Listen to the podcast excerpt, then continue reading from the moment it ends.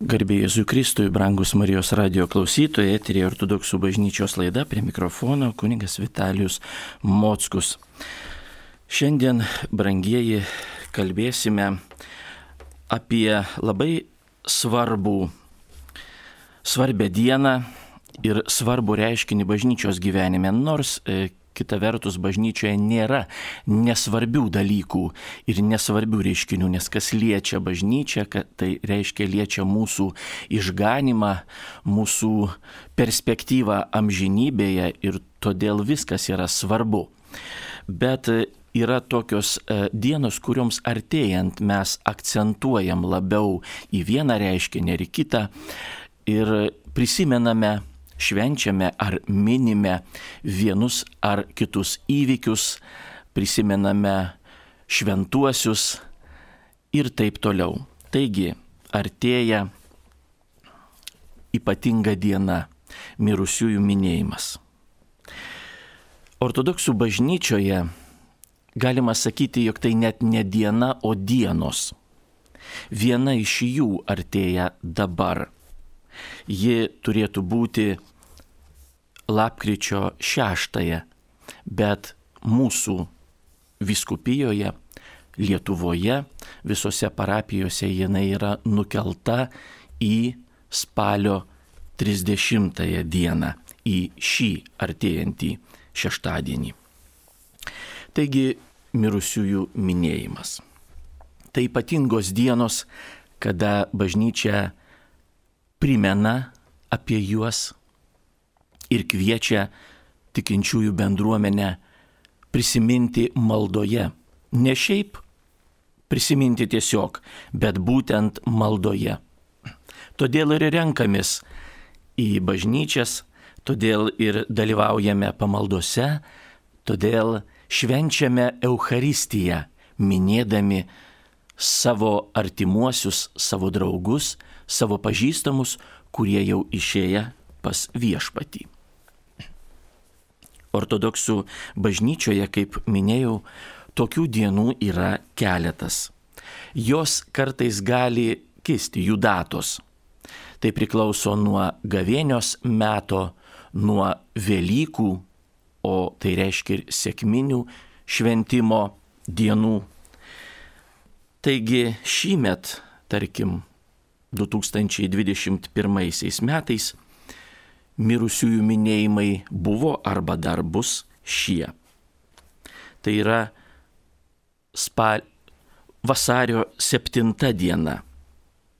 Ta diena minime visus žuvusius, mirusius, nužudytus sovietmečių. Nužudytus tų, kurie persekiojo bažnyčią ir minime tuos, kurie nepasidavė, neišsižadėjo savo tikėjimo ir iškeliavo pas viešpatį arba buvo nužudyti už Kristų. Taip pat yra mirusiųjų minėjimas, beveik visada tie minėjimai būna šeštadieniais, prieš gavėnę. Šįmet ta diena išpuolė kovo šeštą dieną. Taip pat yra trys gavėnios šeštadieniai. Pirma gavėnios šeštadienį neminim mirusiųjų, tai yra ypatingai griežta įvadinė į gavėnę savaitę. O taip pat penktoji savaitė, tai yra penktasis gavėnios šeštadienis, yra skirtas mergeliai Marijai, gėdamas akatistas jai o sekantį šeštadienį prisimename Lozoriaus prikelimą. Na ir dar sekantis šeštadienis yra didysis šeštadienis. O štai likusieji šeštadieniai antros, trečios ir ketvirtos gavėnio savaitės yra mirusiųjų minėjimai. Ypatingas mirusiųjų minėjimas yra Velykinis. Tai dešimta Velykų diena. Šįmet jį išpuolė pagal ortodoksų bažnyčioje švenčiamas Velykas gegužės 11 dieną. Taip pat prieš sėkmines 19 birželio taip pat minimi mirusieji.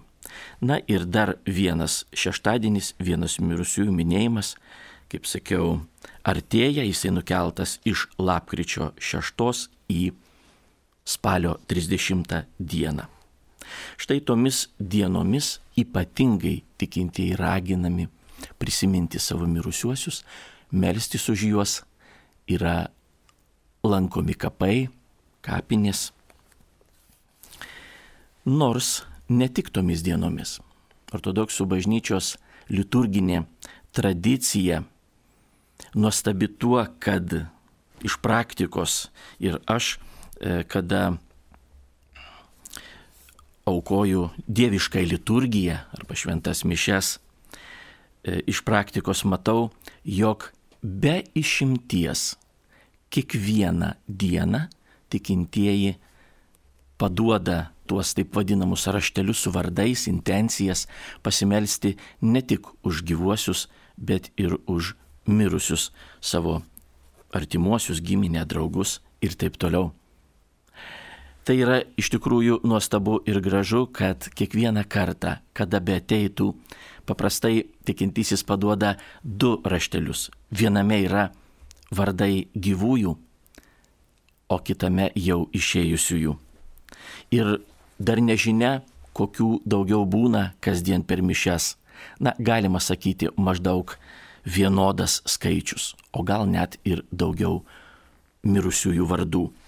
Ir kiekvieną kartą, kiekvieną dieną, kada bebūtų dieviškų liturgija, kada bešvestume Euharistiją, šitie vardai yra minimi.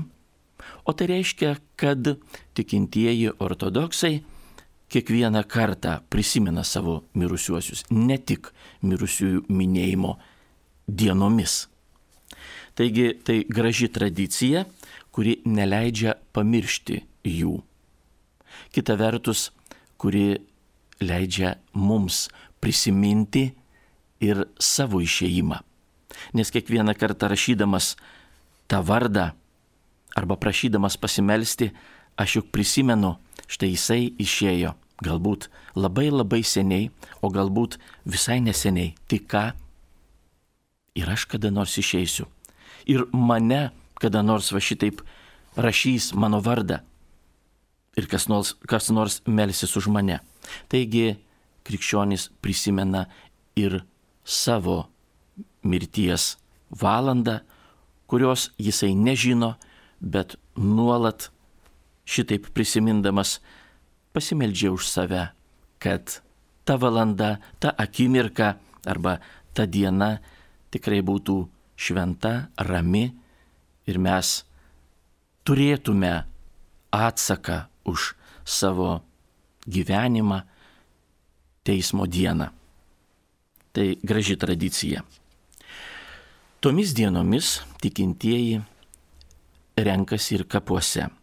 Po pamaldų, po dieviškosios liturgijos renkasi kapinėse ypač prieš sėkmines arba per tą Velykinį mirusiųjų minėjimą.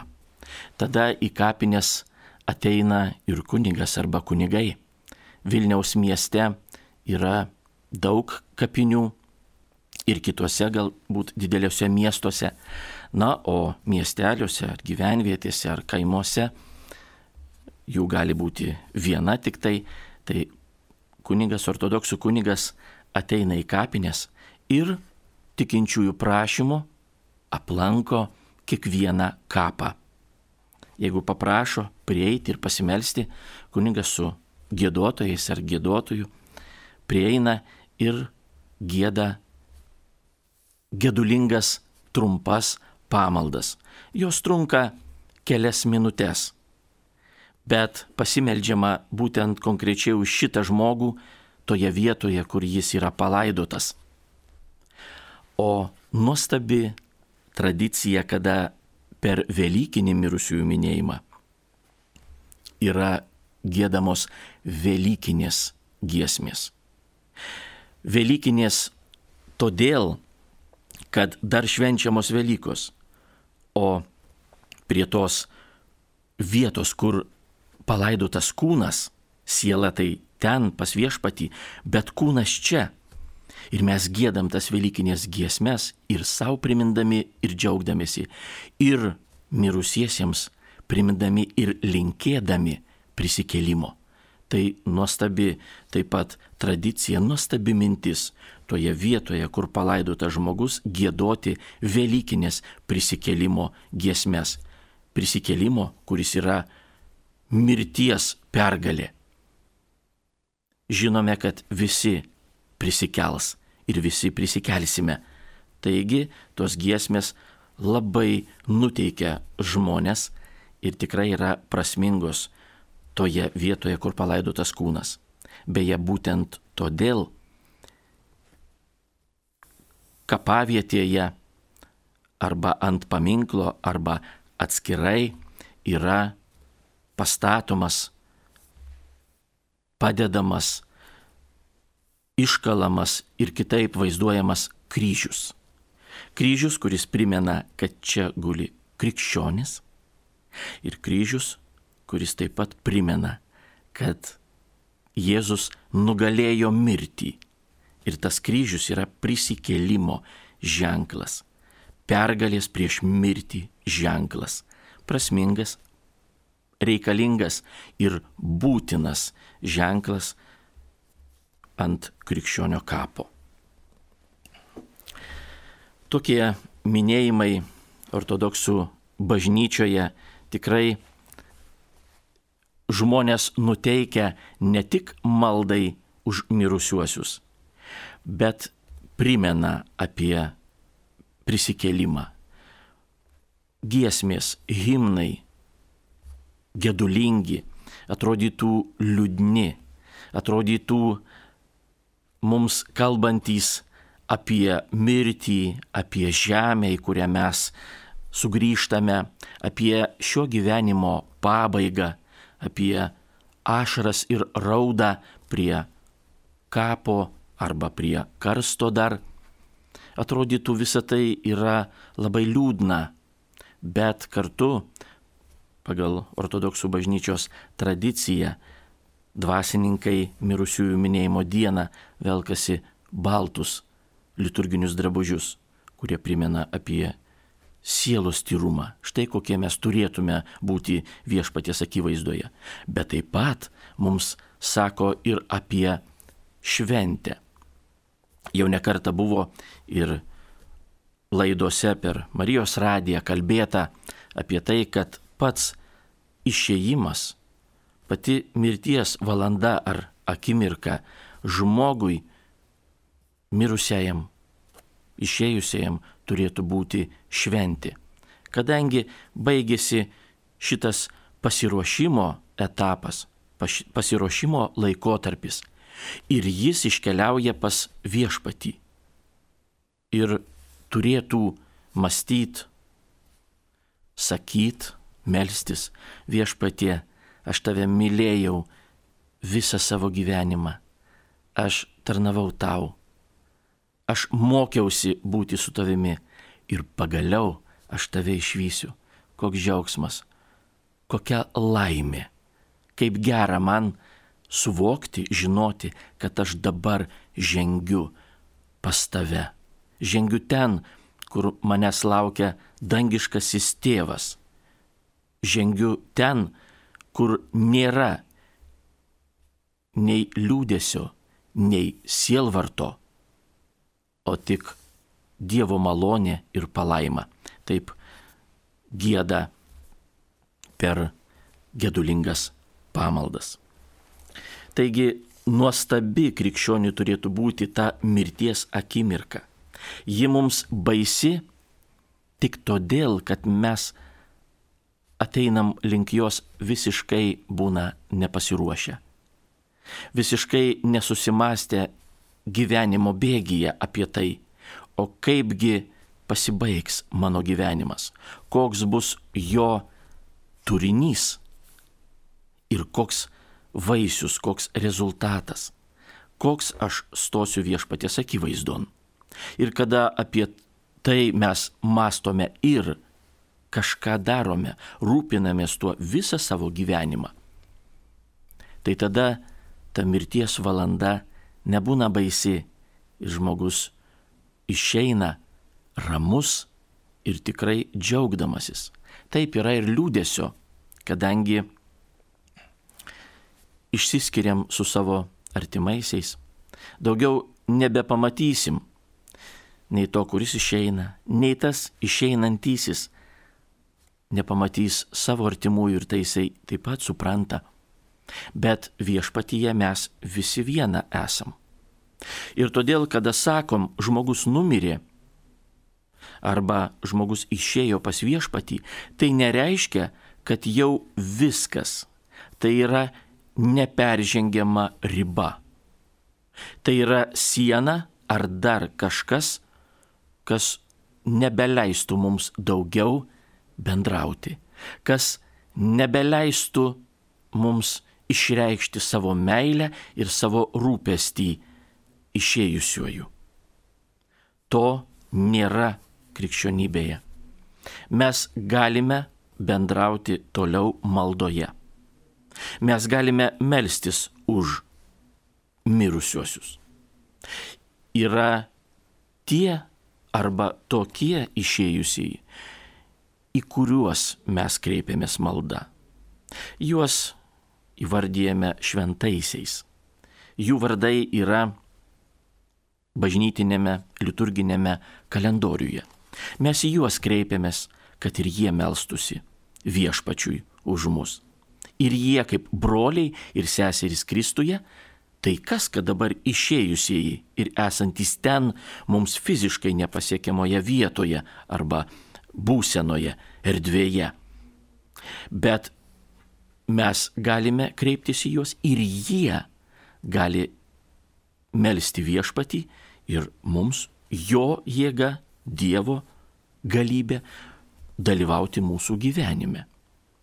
Ir yra tokie arba tie išėjusieji, kurių mes nerasime liturginėme kalendoriuje, jų vardų, bet Mes žinome, kad jie buvo, mes juos pažinojome ir todėl galime melstis už juos. Prašyti Dievą, o tai reiškia išreikšti savo rūpestį už tuos žmonės, kad Dievas juos globotų, kad Dievas jų pasigailėtų, atleistų visas jų laisvą valią ar nevalingai padarytas nuodėmės ir priimtų į savo dangiškąją buveinę.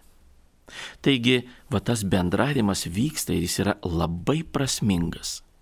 Mes tikime, kad tie žmonės nedingo, jų gyvenimas nepasibaigė visiškai, nepadėtas taškas, pasibaigė žemiškasis gyvenimo etapas, o jie dabar amžinybėje ir jie gyvi yra. Tai mums liudyja ir šventasis raštas, ir bažnyčios tradicija. Jie yra gyvi. Ir jiems reikalingos bažnyčios maldos. O kas yra bažnyčia? Bažnyčia tai esame visi mes. Todėl susirenkame, susibūrėme ir melžiamės už juos. Taip, ypatingomis šiomis mirusiųjų minėjimo dienomis, bet ir kasdien. Pagal ortodoksų bažnyčios tradicija už mirusiuosius melžiamasi tik mirus žmogui, e, jis laidojamas na, tradiciškai trečiąją dieną, jeigu tai įmanoma, bet būna visokių atvejų, kartais tenka ir greičiau, kartais tenka e, palaukti dėl tam tikrų aplinkybių ir vėliau laidoti, bet e, ypatingai melžiamas yra trečią dieną po mirties, devintą dieną ir keturiasdešimtą dieną. Tas pirmasis keturiasdešimt dienų, tai raginame tikinčiuosius melstis kasdien ir labai uoliai, kai tik tai turime laisvą minutę ir pasimeldžiam už tik išėjusiai pas viešpatį. Na, o toliau būna metinės, kokios gal ypatingos dienos, to žmogaus gimtadienis, to žmogaus vardinės, galbūt jeigu sutoktinis jau numirė, tai vestuvių diena ir kitos atmintinos datos, kuriuose jis yra labai svarbus. Viso gyvenimo bėgyje, su juo teko išgyventi nuostabių momentų, nuostabių dienų. Taigi galima sakyti, jog mes kiekvieną dieną minime mirusiuosius. O ryto ir vakaro maldos kasdienės, kiekvienam tikinčiajam na, privalomos arba labai reikalingos. Mes ir rytą, ir vakarą taip pat yra tarp kitų maldų, tarp kitų intencijų ir minčių, kurios labai naudingos ir reikalingos yra, tarkim, rytą, būtinai apie tai su viešpačiu pakalbėti, jo paprašyti. Ir vakare taip pat prieš miegą ten taip pat yra minimi mirusieji. Štai kaip pasirodo dažnai. O tai yra tam, kad neužmirštume juos ir neužmirštume, jog ir mūsų laukia ten dangiškasis tėvas ir ateis ta diena arba tas momentas, kada mes irgi išeisim. Kodėl mirtis atėjo į mūsų gyvenimą? Juk Dievas sukūrė žmogų nuostabų, gražų visapusiškai. Ir štai pagaliau mes galim manyti, tai žmogus ir gyventų. Ir gyventų, tas gyvenimas truktų be pabaigos. Bet nuodėmė įsišaknyjo žmoguje. Jisai nusidėjo, Adomas ir Jėva nusidėjo ir turėjo mirti. Dievas nesukūrė mirties. Tai yra labai svarbi mintis.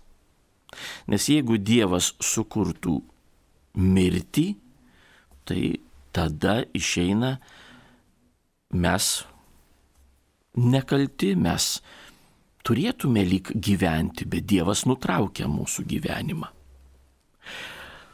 O jeigu mes nusidedam, na, pradėkim nuo Adomo ir Jėvos, bet nuo jų mes paveldėjom tą polinkį į nuodėmę. Jis įsišaknyjo ir per prigimtį, per žmogaus prigimtį persiduoda. Nekaltė Adomo ir Jėvos. Nes jeigu mes nesutinkam su jų požiūriu, su jų tuo žingsniu, kada jie nepakluso Dievui ir vis dėlto nusiskynė tą vaisių norėdami būti kaip Dievas. Mes nesutinkam su tuo ir galbūt net labai išgyvenam ir sakom, aš jų vietoj taip nepasielgčiau, todėl nekaltė persiduoda mums. Bet ta nuodėmė jos pasiekmes žmoguje, nes žmogus pasikeitė. Jisai nebegalėjo jau būti toks, koks buvo tyras ir šventas, sakykim net taip. Jisai nepakluso Dievui. Maža to, paskui dar bandė tai paslėpti, nuslėpti, o kai galiausiai buvo paklaustas, tai ir teisinosi. Tai čia žmona kalta, kurią tu man davėjai, ne aš kaltas. Taigi nuodėmės pasiekmes per žmogaus prigimtį, kada gimstamgi vieni iš kitų taip ir persiduoda iki šių dienų mums. Mirtis atėjo į mūsų gyvenimą kaip pasiekmė mūsų apsisprendimo. Apsisprendimo dėja prieš Dievą. Ne Dievo vardui, jo šloviai, o prieš Dievą. Todėl ir mirštam. Šventieji tėvai atranda ir teigiamų mirties savybių. Kaip nekeista būtų apie tai kalbėti. Juk mirtis mums asocijuojasi tik su blogiu. Tik tai su skausmu, tik tai su ašarom ir netektimi. Bet jeigu mes žiūrėtume iš krikščioniškos perspektyvos, jeigu žiūrėtume e, turėdami prieš akį dar ir amžinybę, tai mirtis padaro dabar, padaro ir tą teigiamą darbą. Šventieji tėvai išskiria, tarkim, tokią mirties teigiamą savybę, kad ji nutraukia blogio vystimasi, blogio raidą mumise. Kas būtų, jeigu žmogus linkęs į nuodėmę, taip jis gali ir gerų darbų turėti, jis gali siekti ir darybių, bet mes matom, kad lengviau, labiau, paprasčiau jisai linksta į nuodėmę. Lengviau nusidėti, lengviau padaryti blogą darbą, negu gerą, kuriam reikia dar ryštis, kuriam reikia sukaupti dvasinių ir fizinių jėgų. O štai blogas darbas jis ir savaime kartais net nepastebim, kaip jis padarytas.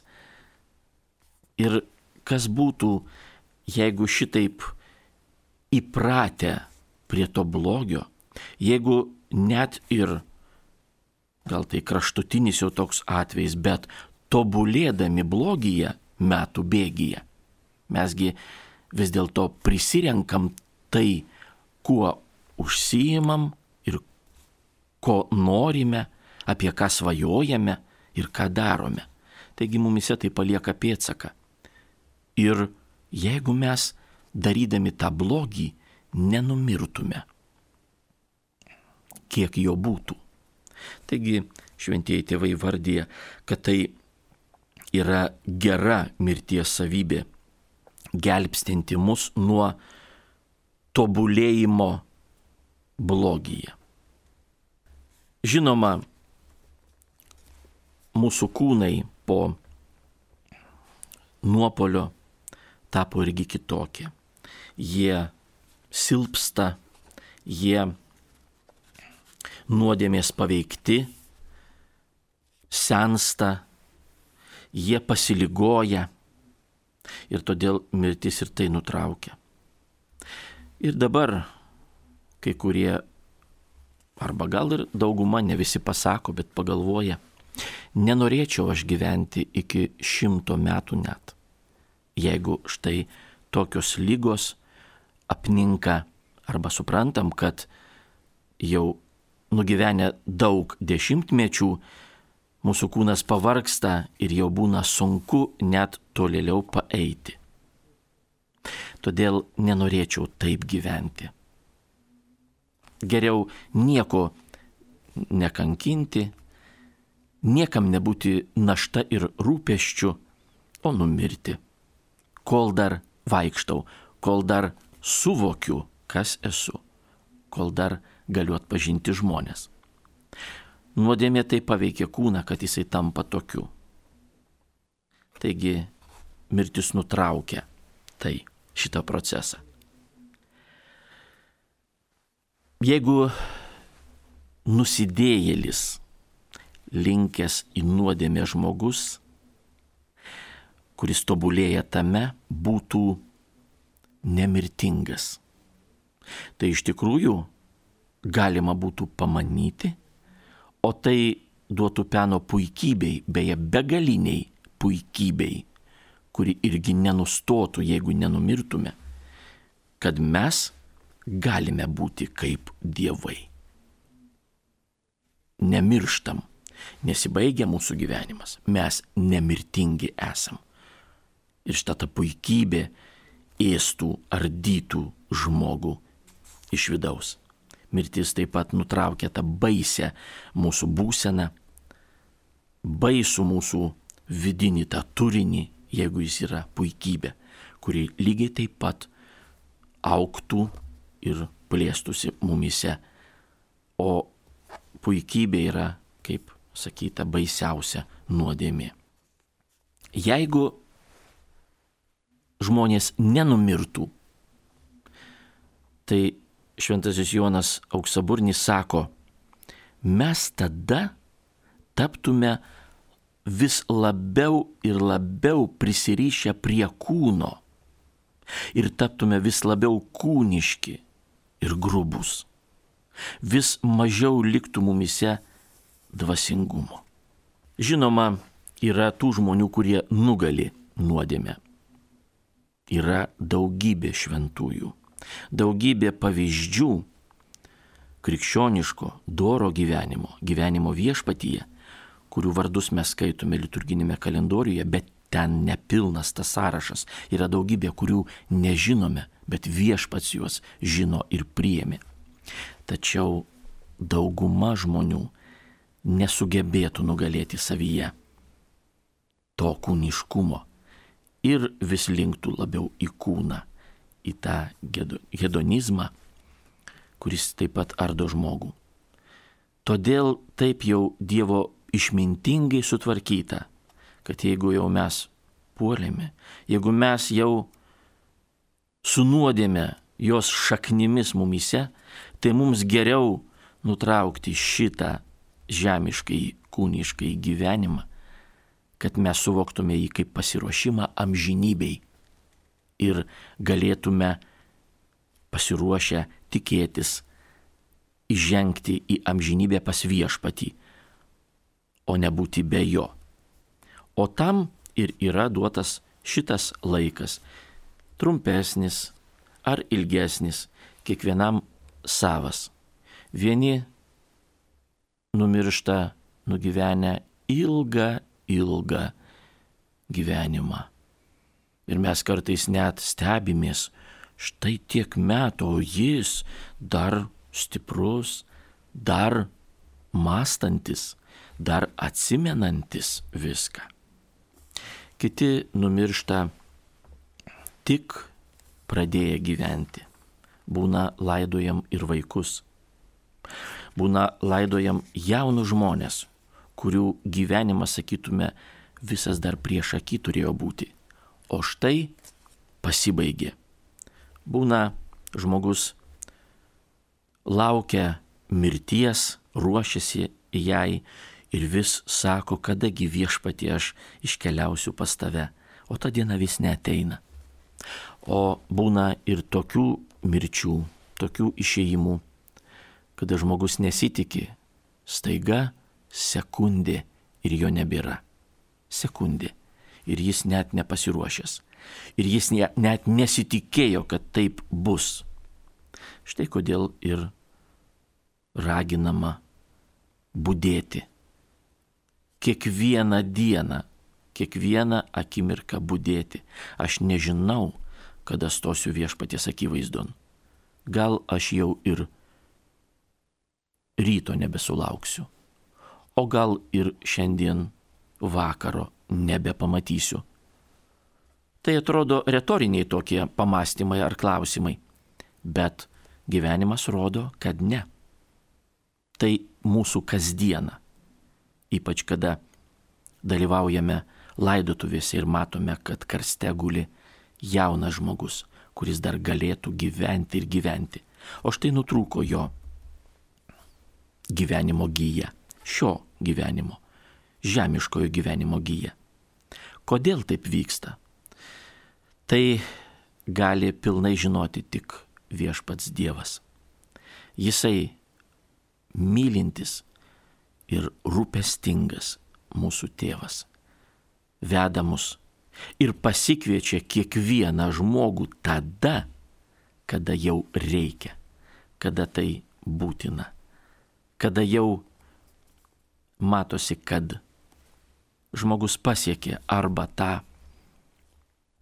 tašką savo gyvenimo pabaigos momentą įsitvirtinęs darybėse, arba jau jam gana, nes jisai jau tiek piktumo turi, tiek blogio savėje prisikaupė, arba jau Dievas mato, kad jo šio gyvenimo perspektyvos jau nebėra ir gerąją tą žodžio prasme. Jis jau pasiruošęs žengti į dangų, kad nebūtų ko blogesnio. Dievas mato ir ateitį. Arba jam jau nebereikia daugiau čia gyventi tam, kad. Ir dažnai žmonės užduoda klausimą, o už ką man šitoks skausmas, šitokia netektis? Jisai klausia, norėdamas rasti atsakymą, kaip jam išgyventi, kaip jam nugalėti tą skausmą, kaip jam toliau gyventi ir dar išmokti vėl džiaugtis gyvenimu, kada tokią netekti dabar jisai patyrė. Ir klausė, už ką man? Neklauskime, už ką man. Klauskime, kam man to reikėjo. Kam man reikėjo išgyventi vat tokią minutę, tokią netektį, tokį skausmą. Ir tada maldoje Dievas atsakys kam. O tam, kad ir toliau galima tikrai išvardinti daug, daug atsakymų. Tam, kad tu žinotum, kas yra skausmas. Tam, kad tu išmoktum mylėti. Tam, kad tu galėtum patyręs pats tą skausmą, pasidalinti ir padėti jį išgyventi kitam žmogui.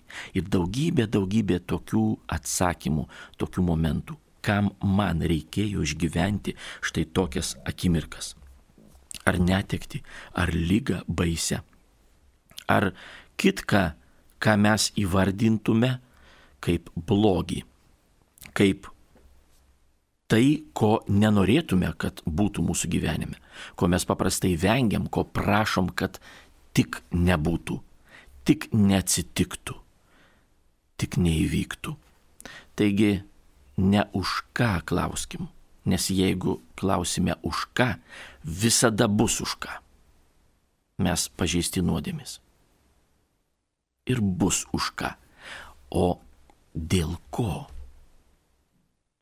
O čia jau Dievas atsako į mūsų maldas tikrai ir palaikydamas mus, ir paguosdamas skausmo valandą, netekties valandą, paguosdamas mus. Štai dėl ko. Ir mes atrandame tas, tuos atsakymus ir mums gyvenimas tikrai atrodo šviesesnis, prasmingesnis ir mes labiau patyrę esam mes tobulėjam. Dievas rūpinasi mumis ir be galo kiekvieną iš mūsų myli.